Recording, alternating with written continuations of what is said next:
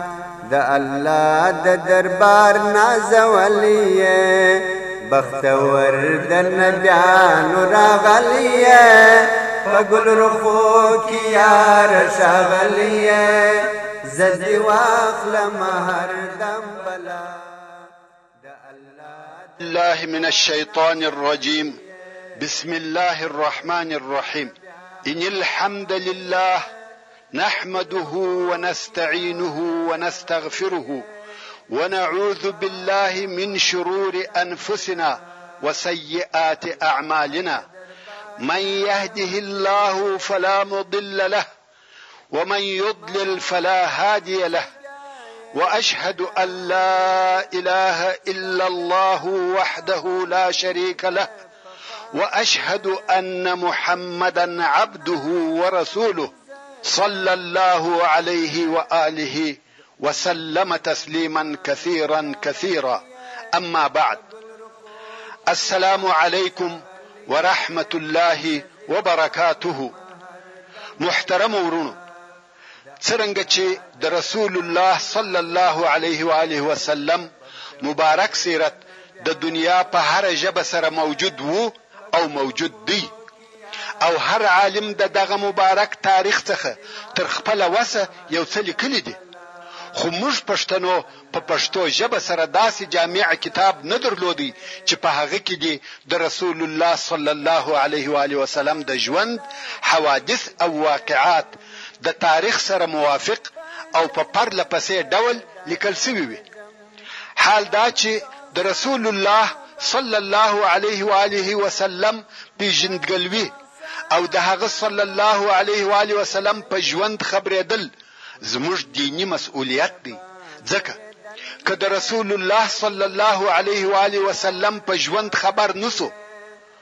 متابعت یې څنګه وکړو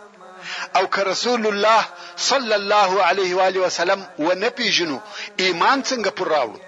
په دغه اوسني لیکل شوي مضمون کې معلومات زیات شوي او ډېر شوي دي. په اول وار ثبتولو کې ما د خپل ځان و ناقص استعداد ته کتل نو دا مې نه په خیال او نه تصور کې راګرځېده چې دغه نشر شوې سلسله دې دونه جهاني شهرت پیدا کړي. او د خلقو به په دغه اندازه سره خوښه شي. حقيقتاً زه نه پوهېدم چې دغه بيان زما د ناقص استعداد سره تعلق نه لري، بلکې دغه بيان د يوه کامل انسان د ژوندانه بيان دی، دا د رسول الله صلی الله عليه وآله وسلم د ژوند بيان دی. څرنګه چې رسول الله صلی الله علیه وآله وسلم و ټولو مسلمانانو ته محترم او مکرم، مرغوب او محبوب دی، نو خود د هغه محبوب سیرت هم د هم محبوب وګرځېدی او د ګرانو مسلمان وروڼو د طرفه یې تود هرکلی وسو. د اورېدونکو په زړو کې يې ځای ونيوی او بايد ويې نيسي، ځکه الله جل جلاله خپل رسول ته ډېره عظيمه درجه او لوړ مقام ورکړي دي او د ده صلی الله عليه وآله وسلم محبت يې د مسلمانانو په زړو کې ښخ کړی دی او د رسول الله صلی الله عليه وآله وسلم متابعت يې د الله جل جلاله سره محبت بللی دی.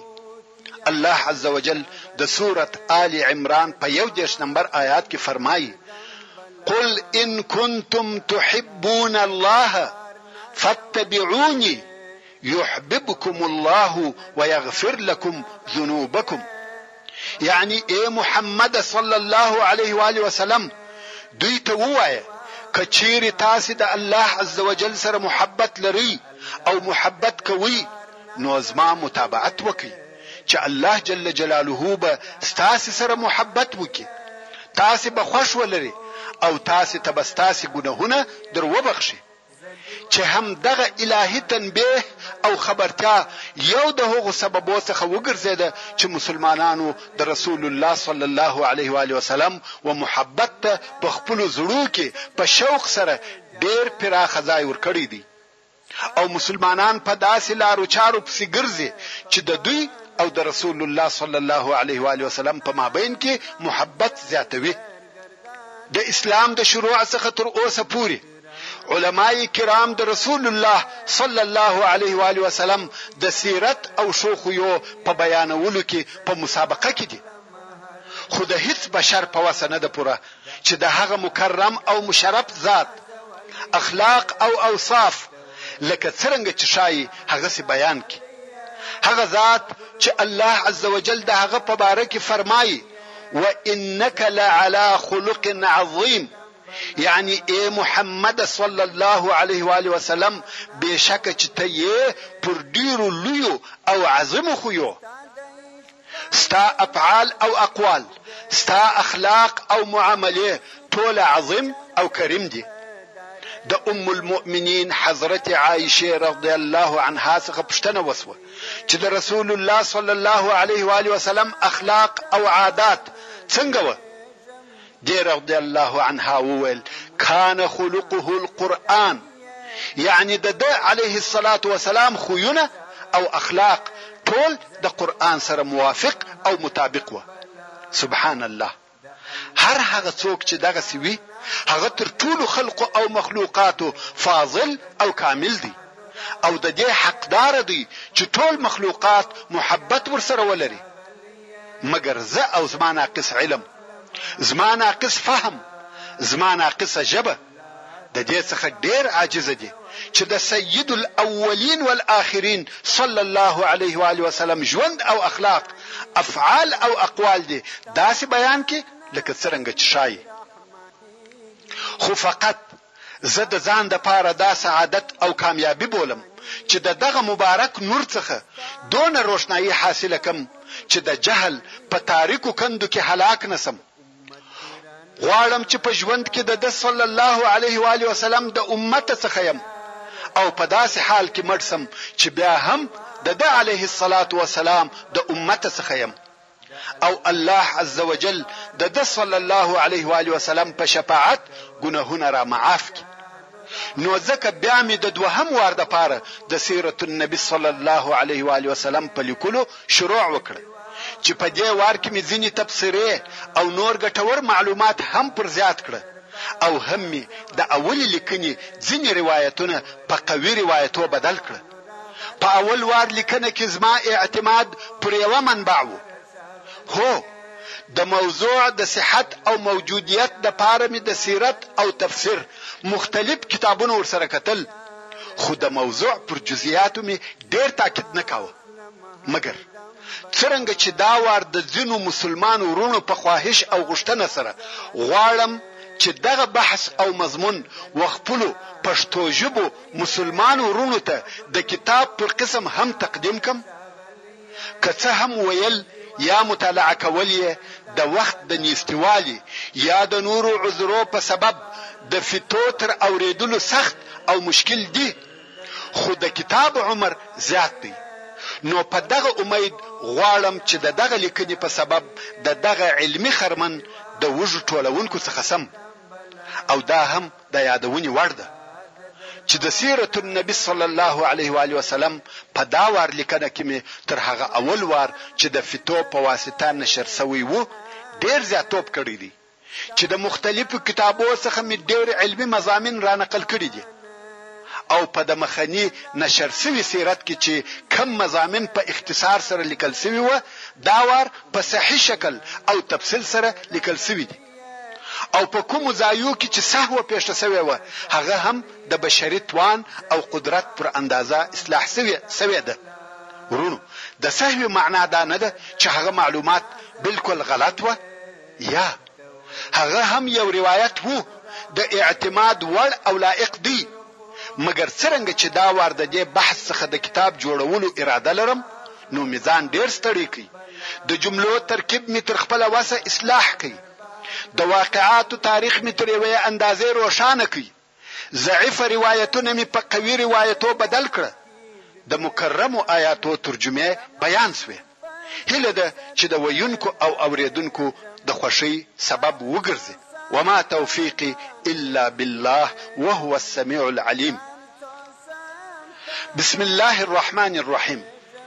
الحمد لله موفق المؤمنين وناصر الموحدين ومرسل خير خلقه الى العالمين اصطفاه من خلقه ورزقه خير خصال واتم الصفات من الحكمه والشجاعه والمروءه وجامع الصفات القياده في امور الدين والدنيا والصلاه والسلام على سيدنا محمد بن عبد الله خاتم الانبياء والمرسلين وقائد الغر الميامين النبي الكريم الهادي الامين الصادق المربي القائد فافضل الصلاة والسلام عليه وعلى اله واصحابه وازواجه وذريته ومن سار على نهجه الى يوم الدين اما بعد ورونو دغه سلسله چې د سرور کائنات ژوند په نامه سره یادیږي د محمد صلی الله علیه و آله وسلم د سیرت یعنی ژوند او اخلاقو اقوالو او اعمالو په باره کې بیان کوي دا سلسله د سيد البشر خاتم الرسل صلی الله علیه و آله وسلم د عظيم او مبارک ژوند تاريخ بيانوي. د دې بيان څخه يوازې دا نه دی مقصد چې مسلمانان د خپل پيغمبر محمد مصطفی صلی الله علیه و آله وسلم په مبارک حيات خبر شي، بلکې په دې خبرتيا کې نورې ډېرې مهمې فايدې هم شته چې په ښکاره سره و چاته نه معلومېږي. محترم وروڼو د رسول الله صلی الله علیه و آله وسلم د سیرت د بیانولو، لیکلو، اوریدلو او زده کولو څخه یوازې دا غرض او مقصد نه دی چې د تاریخ په قصو خبر شو یا دا چې عجیبې او غریبې قصې یا نادره معلومات بیان شي، نو ځکه موږ مسلمانانو ته دا نه ښايي چې د سیرت اورېدل او زده کول د تاریخ پر قسم واورو یا ځان په خبر کړو او سیرت ته هم په داسې سترګه وکتل شي لکه د یوه خلیفه ژوند یا د یوه پاچا تاریخ یا د تېرې شوې زمانې معلومات بلکې د سیرت د بیانولو، لیکلو، اورېدلو او زده کولو څخه مقصد او غرض دا دی چې یو مسلمان د اسلام د حقیقت تصور وکړي، هغه اسلام چې د رسول الله صلی الله علیه و آله وسلم د ژوند څخه مبادی او احکام، قواعد او اساس راوتلي او استنباط شوي دي. زه به دلته د رسول الله صلی الله علیه و آله وسلم د سیرت د پوهیدلو او زده کولو یو څه فایدې په اختصار سره درته بیان کړم. اول، د رسول الله صلی الله علیه و آله وسلم نبوي شخصیت پېژندل، که څوک د رسول الله صلی الله علیه و آله وسلم د ژوند په هغه کیفیتو او حالاتو خبر شي چې پر رسول الله صلی الله علیه و آله وسلم تېرېده، دا بې یقین شي چې رسول الله صلی الله علیه و آله وسلم یوازې عبقري یا نابغه نه وو، چې د ده عليه الصلاة والسلام نبوغ دی په خپل قوم کې لوړ او دغه مقام ته ورساوه، بلکې تر نبوغ او عبقريت دمخه د الله جل جلاله رسول دی، چې الله عزوجل يې په وحي سره تائيد او تاکيد کاوه. او الهي توفیق ورسره ملګری وو نو موږ محمد صلی الله علیه و آله وسلم د رسول الله په صفت پیژنو. دوهم، د سیرت د پوهیدلو دوهمه فایده دا ده چې انسان په خپل حضور کې د کامیابه ژوند د ټولو امورو دپاره بلکې د شرافت د ژوند دپاره یو اعلی مثال وویني. چې د هغه صلی الله علیه وآله وسلم ژوند د خپل ځان لپاره قانون او تګلاره وګرځوي، په هغه پورې لاس ونیسي او په هغه پسې اقتدا وکړي. په دې کې هیڅ شک نشته که یو انسان هر څونه په یوه مثل اعلی پسې وګرځي، په یوه داسې رهنما او لارښوونکي پسې وګرځي چې د ژوند په ټولو چارو کې دې کامل او مثل اعلی وي، بې له شکه دغه پوره والی او کمال د رسول الله صلی الله علیه و آله وسلم په ژوند کې پیدا کولای شي ځکه الله جل جلاله د ټوله بشریت د پاره قدوه او لارښوونکی بللی دی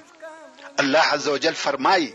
لقد کان لکم فی رسول الله اسوة حسنة دریم د رسول الله صلی الله علیه و آله وسلم د سیرت د خبرېدلو او زده کولو په واسطه انسان د کتاب الله په مفاهیمو او مقاصدو پوهېدلی شي ځکه د قرآن مجيد د ډېرو آياتو ترجمه په هغه واقعاتو او حادثاتو سره معلومېږي کوم چې دغه آياتونه د هغه واقعو او حادثو په وخت او باره کې نازل شوي دي نو تر څو چې و چاته د هغه واقعاتو حالات معلوم نه وي د قرآن مجيد په معنا او مقصد نه شي پوهېدلی ځکه د قرآن کریم ډېر آیاتونه د یوې خاصې واقعې یا خاص بیان لپاره چې په هغه وخت پورې تعلق لري نازل شوي دي، نو ځکه ترجمه یې تر هغو نه شي معلومېدلای چې وخت د نزول او سبب د نزول یې معلوم نه شي او د آیاتو د نزول سببونه تر هغو نه شي معلومېدلی تر څو چې د محمد مصطفی صلی الله علیه و آله وسلم ژوند او سیرت را معلوم نه شي. څلورم، د سیرت په معلوماتو سره مسلمان د اسلامي صحیح ثقافت او معرفت ډېره حصه یو ځای کولای شي. په دې کې هیڅ شک نه شته چې د اسلام د مبادیو د پوهېدلو لپاره که دین دی که عقیده، که احکام دي که اخلاق، د رسول الله صلی الله علیه و آله وسلم ژوند یو روښانه مجسد، تصویر، دی. پنځم، د رسول الله صلی الله علیه و آله وسلم په سیرت پوهېدل د یوه اسلامي معلم او واعظ لپاره د تعلیم او تربیې په باره کې یوه ژوندۍ نمونه او لارښوونه ده، ځکه رسول الله صلی الله علیه و آله وسلم یو فاضل معلم، صادق ناصح او مهربانه مربي وو، د دعوت په مختلفو مرحلو کې یې د تعلیم او تربیې وړ او مناسبه طریقې استعمالولې، پر دې ټولو سربېره د رسول الله صلی الله علیه وآله وسلم په ژوند کې د انسانیت ټول اړخونه که اجتماعي دي که فردي داخل او شامل دي، یو انسان په هر حالت کې. که یو مستقل فرد وي یا د ټولنې یوه فعاله عضو وي، د پوره کامیابۍ لپاره د رسول الله صلی الله علیه و آله وسلم و متابعت ته اړ او محتاج دی، ځکه د رسول الله صلی الله علیه و آله وسلم ژوند موږ ته د یوه مستقیم یا پر لار برابر ځوان د سلوک او اخلاقو بې مثاله نمونې راښيي. چې د خپل قوم او ملګرو سره څونه امین او څونه صادق وو. د رسول الله صلی الله علیه و آله وسلم ژوند د یوه واعظ په صفت یو بې مثاله نمونه دی چې خلق یې د الله جل جلاله ولارې ته په حکمت او موعظه حسنه سره روبلل او خپل ټول طاقت یې د رسالت د رسولو په لار کې مصرفاوه. د رسول الله صلی الله علیه و آله وسلم ژوند د یوه دولت د رئیس او حاکم دپاره ښه لارښوونکی دی چې په څونه هوښیاري او حکمت سره یې کارونه مخته بیول. د رسول الله صلی الله علیه و آله وسلم ژوند د یوه مثالي او حق پرسته مېړه دپاره لارښوونکی دی چې د خپلې ښځې سره باید څنګه ژوند او ګذاره وکړي. د رسول الله صلی الله علیه و آله وسلم ژوند د یوه پلار دپاره په عاطفه او مهرباني کې لارښوونکی دی. رسول الله صلی الله علیه و آله وسلم د زوجاتو او اولادو په حقوقو او واجباتو کې دقیق عدل کاوه. د هر چا حق یې د هغه د حاله سره سم او پوره ورکاوه. د رسول الله صلی الله علیه و آله وسلم ژوند د یو حربي قومندان او صادق آمر د پاره لارښوونکی دی. د رسول الله صلی الله علیه و آله وسلم ژوند د یو جامع مسلمان د پاره هغه چې په خپل ژوند کې صحیح تقسیم اوقات او په معاملو کې عدل ولري لارښوونکی دی. چې څونه د خپل رب عبادت وکړي او په عین وخت کې د خپل کورنۍ او ملګرو سره لطیف او د ښه طبیعت خاوند وي داسې نور ډیر مثالونه سته که غواړې چې بختور او کامیاب ژوند ولرې نو خامخا د رسول الله صلی الله علیه و علیه وسلم په ژوند ځان خبر ک ځکه د رسول الله صلی الله علیه و آله وسلم په ژوند خبرېدل بل څه نه دي بې له دغه انساني اخلاقو ښکاره کول چې دغه ټوله په هغه بې مثله نمونه او کامل بشر کې سره یو ځای شوي وه او موږ یې خامخا و متابعت ته ضرورت لرو. که غواړې چې کامیابه او بختور ژوند ولرې د رسول الله صلی الله علیه و آله وسلم متابعت کوه. اوس نو کېدلای شي چې دغه پاک تاریخ د محمد مصطفی صلی الله علیه و آله وسلم د پیدایښت څخه را شروع کړو، مګر ما دا بهتره ولیده چې تر دغه پاک میلاد د دمخه څخه را شروع شي، د پاره د دې چې دا را معلومه شي چې دغه لارښوونکي نور. د پاره د دې چې دا رامعلومه شي چې د دغه لارښوونکي نور تر راتګ د مخه د عربو ژوند او تاریخ څنګه او څه ډول وو او بیا د وحیو په راتګ سره څنګه شو هغه تغیر چې د رسول الله صلی الله علیه و آله وسلم د رسالت په واسطه یوازې په جزیره العرب کې نه بلکې په ټول عالم کې راغلی دی لوی او مهم تغیر دی خو انسان ته دا فرق تر هغو نسي معلومېدلای تر څو د دغه پاک سیرت معلومات ورته ونسي او شروع هم ډېره سخته ده نه پوهېږم چې د کوم ځای څخه یې را شروع کړم ځکه د مخه تر اسلام د عربو تاریخ ډېر اوږد او لوی تاریخ دی خو ما بهتره ولیده چې د هغه ځای څخه شروع په وکړم کوم چې الله عزوجل خپل معزز پیغمبر ابراهیم علیه السلام امر کړ چې خپله ښځه هاجر رضی الله عنها او ددې هغه کوچنی دتی زوی اسماعیل علیه السلام بوځه او په مکه مکرمه کې یې پریږده چې دغه مکه بې له اوبو او بې له زراعته یوه خالي ډبرینه شېله ده. او هغه وخت کعبه شریفه هم نه وه جوړه شوې ځکه کعبه شریفه بیا په وروسته کې ابراهیم علیه السلام جوړه کړه نو دغه شیله چې نوم یې مکه یا بکه دی یوه خالي شیله وه چې نه هلته انسانان وه او نه د انسانانو د ژوند کولو شرایط موجود وه هلته نه اوبه وې نه زراعت نه کلی و نه کور فقط غرونه او ډبرې دي نو د الله جل جلاله په امر ابراهیم علیه السلام د خپلې ښځې او کوچني زوی سره د فلسطین څخه و مکې مکرمې ته راغلی او هلته یې د بیت الله الحرام د مځکې سره خپله زوجه هاجر او خپل کوچنی زوی اسماعیل علیه السلام پر وچ دښت پرېښوول او دی رهي شو. هاجر رضی الله عنها په تعجب کې شوه چې موږ څنګه دلته پرېږدې؟ دلته خو نه اوبه شته نه خوراک نه انسانان شته نه زراعت نه کلی شته نه کور او زما سره دغه کوچنی د تي هلک راسره دی نو یې پسې ورږغ کړه موږ څنګه دلته پرېږدې ابراهیم علیه السلام هیڅ ږغ ونه کړ دې بیا پوښتنه ځینې وکړه او ده علیه السلام ږغ نه کاوه خو په آخر کې دې پوښتنه ځینې وکړه آیا الله جل جلاله امر کړی یې چې موږ دلته پرېږده ابراهیم علیه السلام ویل، هو! دلته نو هاجر علیه السلام د هغه واقعي مسلمانې پر قسم چې اعتماد او توکل یې یوازې پر الله جل جلاله وي په پوره یقین سره وویل، الله مو نه ضایع کوي، څرنګه چې دا د الله جل جلاله امر دی او الله عزوجل پر خپلو بندګانو رؤف او رحیم دی. نو بې له شکایت او تشویشه کښېنستل او ابراهیم علیه السلام رهي شو. تاسو ته خو هغه مشهوره قصه در معلومه ده، کوم وخت چې د هاجر علیه السلام سره هغه د دې موجودې اوبه کومې چې ابراهیم علیه السلام ورپرې ایښې وې خلاصې شوې، نو دا د اوبو د پیدا کولو دپاره ولاړه شوه چې یا به دلته اوبه پیدا کړم او یا به یو څوک ووینم او خپل زوی یې د دغه اوسني زمزم د څاه د منطقې سره پرېښاوه چې البته هغه وخت نه څاه و نه اوبه. خدا د صفا و غونډۍ ته وختل او بیا د مروه غونډۍ ته ولاړ، دغه د اوبو په طلب کې یې اووه واره د صفا او مروه په مابین کې تګ او راتګ وکړ. وروڼو!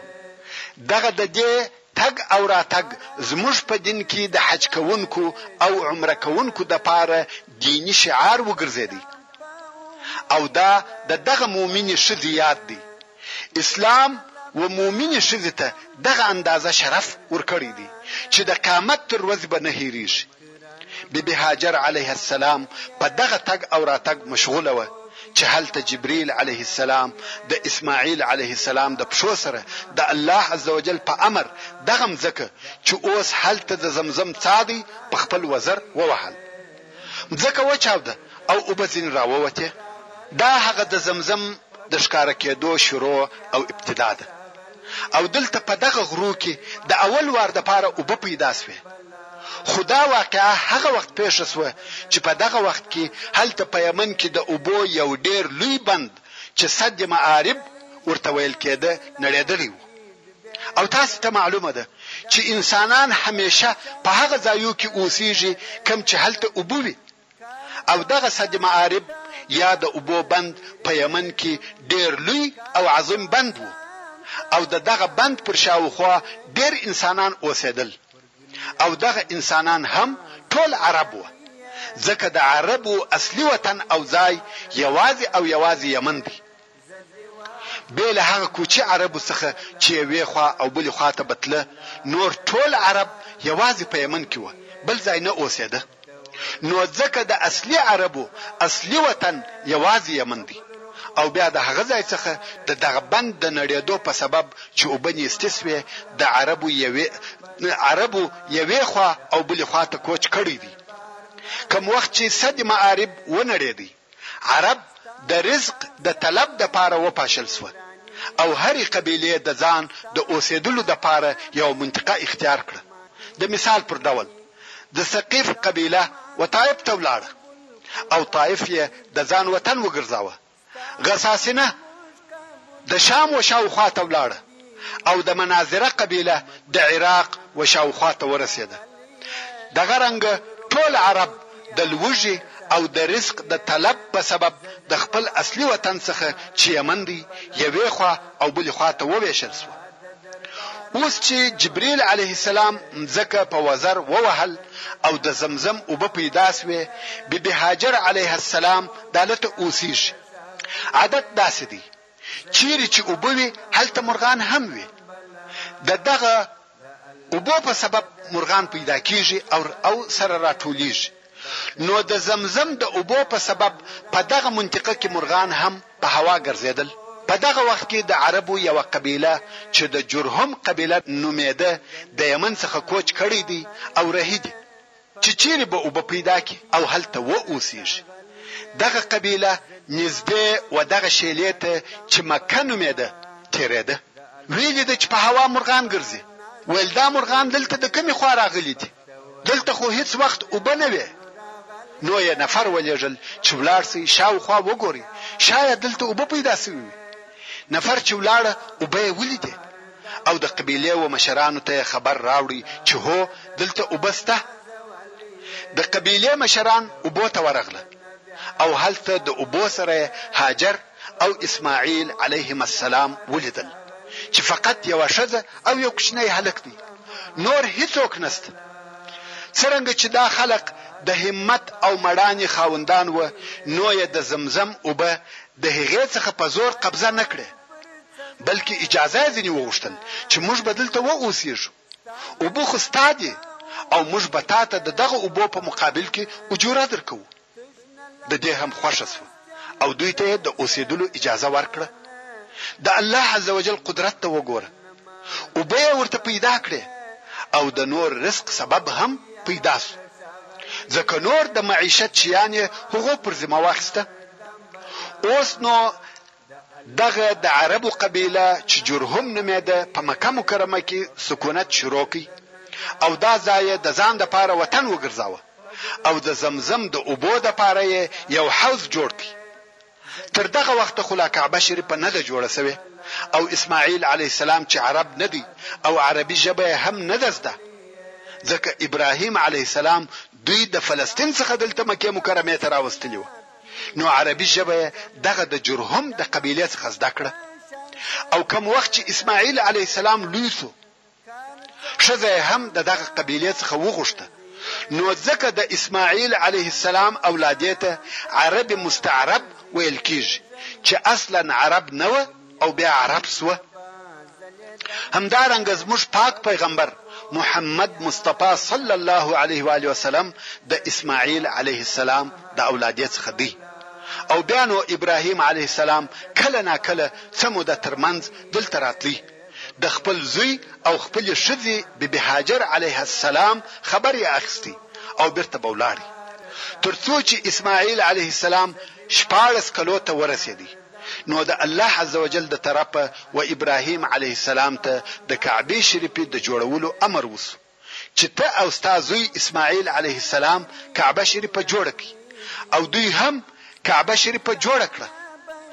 خو کوم وخت چې الله عزوجل و ابراهیم علیه السلام ته د کعبې شریفې د جوړولو امر کاوه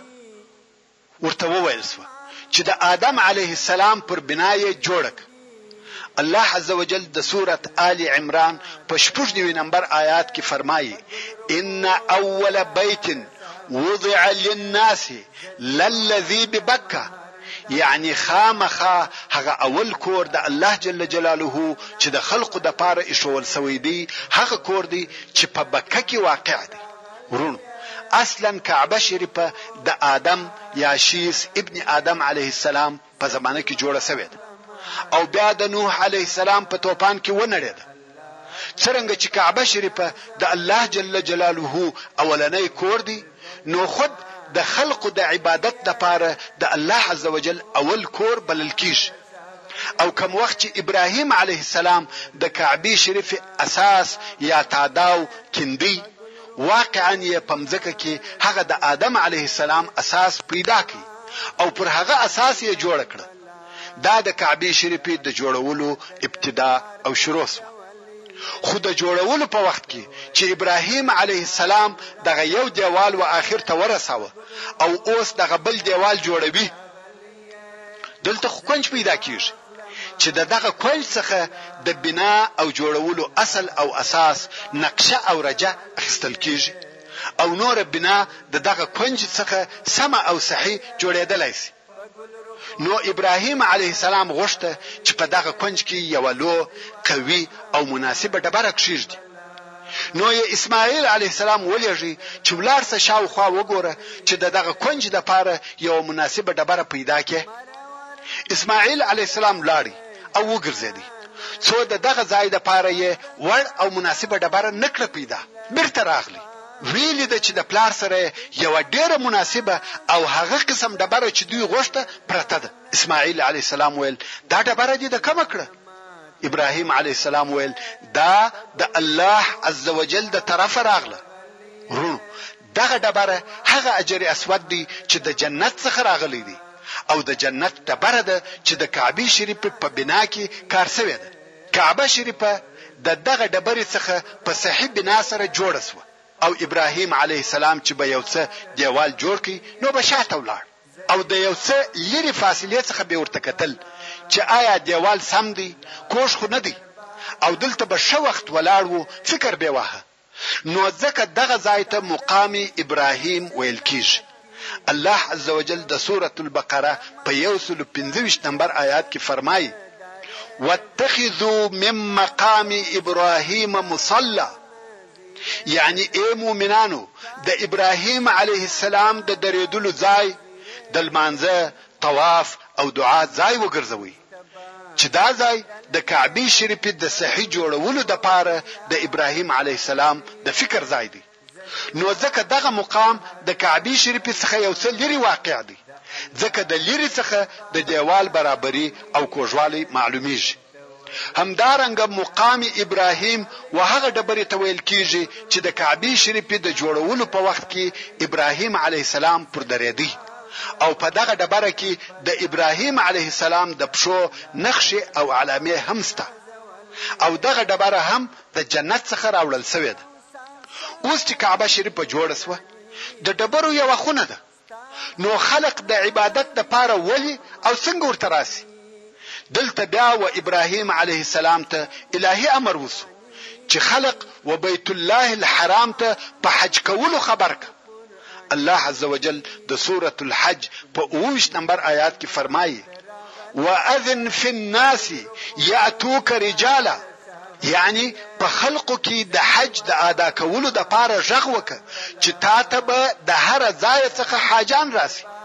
ابراهیم علیه السلام وویل، الهی! زه څنګه کولای سم چی ټول خلق خبر کم؟ زما آواز به و ټولو خلقو ته څنګه ورسیږی؟ د الله عزوجل د طرفه ورته وویل سوه، یا ابراهیم! پر تا ناره ده او پر ما یې و خلقو ته رسول دې. ته فقط ږغ وکه. دا چې و خلقو ته څنګه رسېږي دا زما کار دی، ته فقط په آواز کولو سره مامور یې. نو ابراهیم علیه السلام د عرفات و غره ته ولاړی او لوړ و غره ته وختی، په حج کولو سره یې نارې کړه چې ای خلقو! د بیت الله شریف حج پر تاسې فرض دی. نو د دې سببه عرفات د حج په شعائرو کې راغلی دی او د حج مهم رکن دی. ځکه عرفات د خلقو د حج کولو دپاره د اعلان او خبرتیا ځای دی.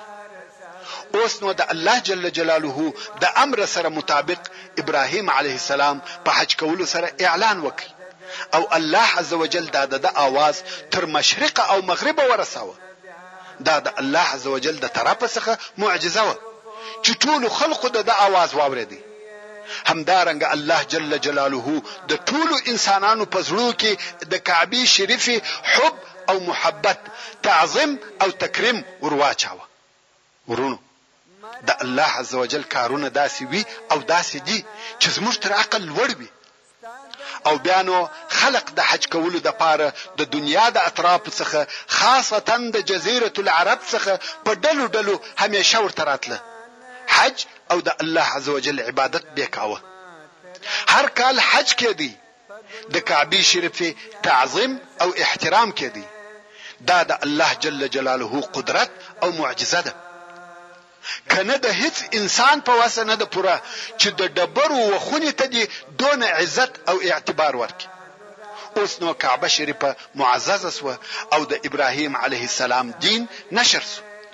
توحید او د یوه الله عزوجل عبادت په خلقو کې شروع شو.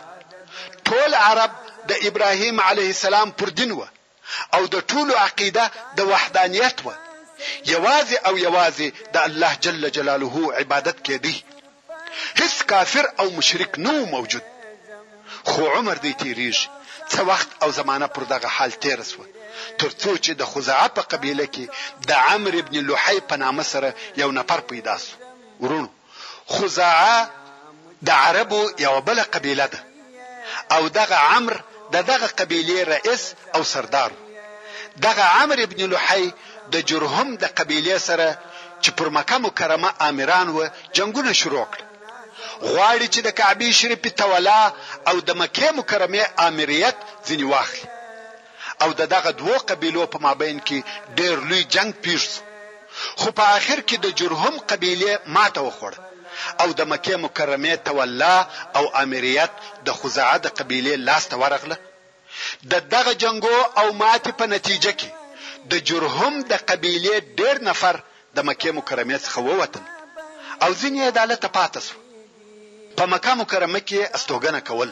مګر کارونه او آمریت ټول د خزعه د قبیلې په لاس کې وه خو کوم وخت چې د جنګ په جریان کې د جرهم قبیله په خپله ماته پوه شوه نو یې غوښته چې د خزاعه قبیلې ته په مکه مکرمه کې مشکلات او تکالیف جوړ کړي او د دوی ژوند ورسخت کړي او دا تکلیف د اوبو په سبب ورته پیدا کړي وروڼو هو د مکې مکرمې د ښار عزت او عظمت لویي او حرمت په کعبه شریفه سره دی خو د خلقو ژوند یې د زمزم په اوبو سره وو که اوبه نه وي بیا هلته ژوند تریخ دی. نو د جرهم قبیلې د دغه مقصد لپاره د جنګ په وخت کې د زمزم څاه پټ کړ او هغه په کعبه شریفه کې پرتې خزانې یې سره د هغه دوو دانو اوسیو چې د سرو زرو څخه جوړې شوې وې او په کعبه شریفه کې پرتې وې ټول و دغه و څاه ته ور واچول. او د څا یې هیڅ نخښه او علامه نه پرېښول کوم وخت چې د خزاعه قبیلې د مکې مکرمې تصرف او آمریت په لاس کې واخیستی د زمزم د اوبو یې هیڅ اثر نه کړ پیدا نو مجبوره شوه اوبه به د مکې مکرمې د د باندې څخه راوړل د خزاعه قبیلې د مکې مکرمې آمریت لاس ته راوړی خو زمزم نو سور پات ځکه هغه پټ او ښخ کړه سو. تر هغه وخته ورک او پټ وو چي دوهم وار بیا زموږ د پاک پیغمبر محمد صلی الله علیه و آله وسلم نیکه عبدالمطلب وکیندی. وروڼو دا د زمزم د څا د پټیدو قصه وه چي پر مکه مکرمه د خزاعه د قبیلې د تسلط په سبب د جرهم د طرفه پټ سو. او پر مکه مکرمه د خزاعه د قبیلې تسلط تر درې سوه یا په بل روایت تر پنځو سوو کلو پورې دوام کړی دی. خو په شروع کې د خزاعه د قبیلې مشر او رئیس چې عمرو بن لحی نومېدی د مکې مکرمې حاکم مطلق وګرځېدی. او د ده د امر څخه هیچا سرکشي او نافرماني نه کول. د دغه عمرو، دغه عمرو، ډېر مالدار او سخي سړی وو. د حاجانو خواړه یوازې ده د خپله ماله ورکول او د حاجانو د پاره اوبه هم یوازې ده په خپل مصرف برابرولې او دا هم تاسې ته معلومه ده چې د زمزم د پټېدو په سبب اوبه د مکې مکرمې د دباندې او د لیرو ځایو څخه راوړل کېدې. خو دا کارونه ده پر خپله غاړه اخیستي وه او دغه عمرو ابن لحی دونه معتبر وو چې هر امر یې د خزاعه پر قبیلې او د مکې مکرمې پر اوسېدونکو او د مکې مکرمې حاجانو داسې قبلاوه لکه دیني او شرعي اوامر. هیچا د ده د امر نافرماني نه کول. یو وخت د وختو دغه عمرو بن لحی و شام ته په سفر ولاړ او هلته د شام په حدودو کې یوه قبیله وه چې د عمالیق قبیله نومېده او دا قبیله بت پرسته وه،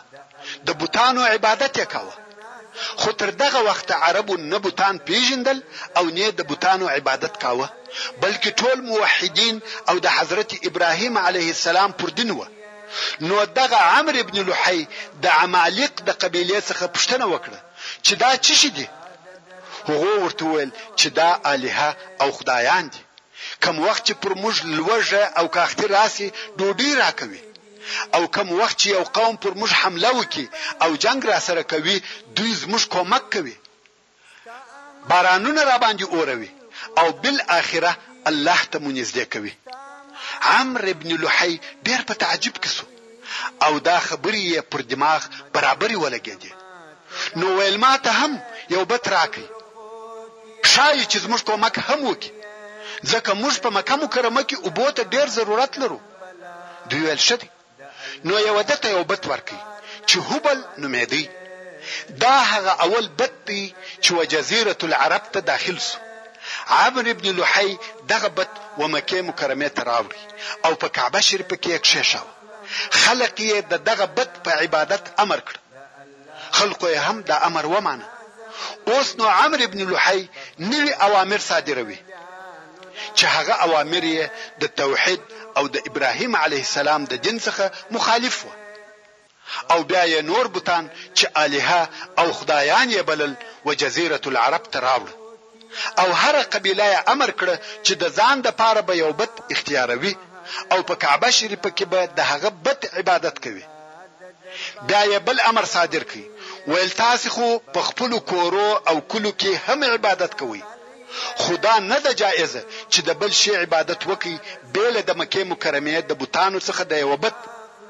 نو پر هر چا دا لازمه ده چې د مکې مکرمې څخه یوه ډبره ورسره واخلي.